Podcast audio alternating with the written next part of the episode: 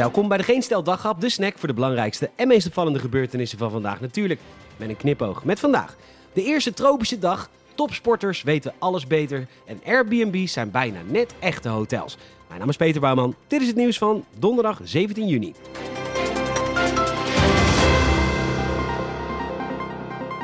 Wat is het toch heerlijk weer. Vandaag de eerste tropische dag. Maar gisteren was het ook al goed toeven in de verschillende badplaatsen. Onze razende reporter was gisteravond in Zandvoort en die had de tijd van zijn leven. Jazeker, het is hier echt een fantastische dag. Uh, de badplaats die vroeger door het leven ging als Sander voerde, hoeft het gelukkig niet alleen maar meer van de visvangst te hebben. Uh, ik, zie hier en daar, ja, ik zie hier en daar een groepje jongeren, die hebben het echt heerlijk naar hun zin hier in het lekkere zonnetje. Uh, de boulevard straalt werkelijk, de ijsjes vliegen door de lucht.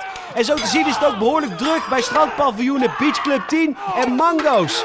Het sfeertje is fantastisch. Als dit een voorbode is van de Formule 1 hier in Zandvoort, dan gaan we echt een schitterende tijd tegemoet. Uh, zoals Ursel de Geer al zei, God hebben zijn ziel.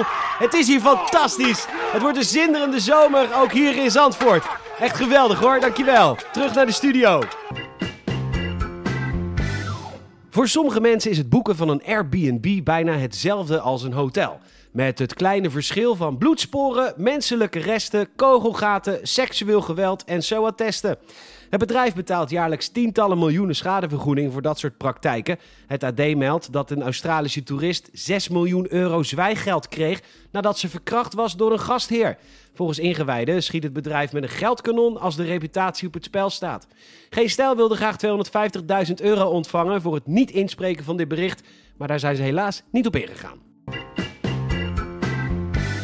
NH Nieuws meldt dat zeker 2 miljoen vrouwen seksuele intimidatie ervaren op de werkvloer. En ook sommige mannen hebben hier last van, maar wel veel minder. Vreselijk natuurlijk, maar persoonlijk heb ik nooit last gehad van seksuele intimidatie. Ze vinden me waarschijnlijk te lelijk en te dik. En ik zal weer niet lekker genoeg ruiken. En ik drink te veel koffie. Wat is er toch met me aan de hand? En waarom zit ik altijd alleen in een hoekje deze podcast te schrijven? En waarom ziet niemand me staan? Grensoverschrijdend gedrag. Ik ervaar alleen maar een koude grens. Ik droom van de Sierra Wat is er toch met me aan de hand? Topsporters die het goede voorbeeld geven. Het begon met Ronaldo, die een flesje van sponsor Coca-Cola opzij zette en het verving met een flesje water. Pogda volgde door een Heineken 0.0 weg te halen. Alcoholvrij mag natuurlijk ook al niet meer. En ook Locatelli werkte de Coca-Cola weg. Alsof Coca-Cola het nieuwe cocaïne is. Verslavend en vernietigend voor de jeugd. Alsof alcoholvrij bier gestuurd is door de antichrist. De spelers hebben inmiddels hun zakken gevuld en kunnen lekker moralistisch over suiker en geen alcohol praten. Ronaldo maakte eerder overigens reclame voor Coca-Cola en Kentucky Fried Chicken. Dat meldt het AD. Wat een heerlijke wereld worden we met rijke voetballetjes die vinden dat we alleen maar water moeten drinken. Terwijl ze zelf geld genoeg hebben om alles wat verboden is in overmaat te kopen. En straks wel lekker voetballen in Qatar, want een colaatje vernietigt maar dode stadionbouwers is weer te politiek natuurlijk, hè? Snot jongens. Bedankt voor het luisteren en je zou enorm helpen als je een vriend of vriendin vertelt over deze podcast. Je kunt ook een hartje geven in Spotify. Dan krijg je altijd een melding als er een nieuwe aflevering is verschenen.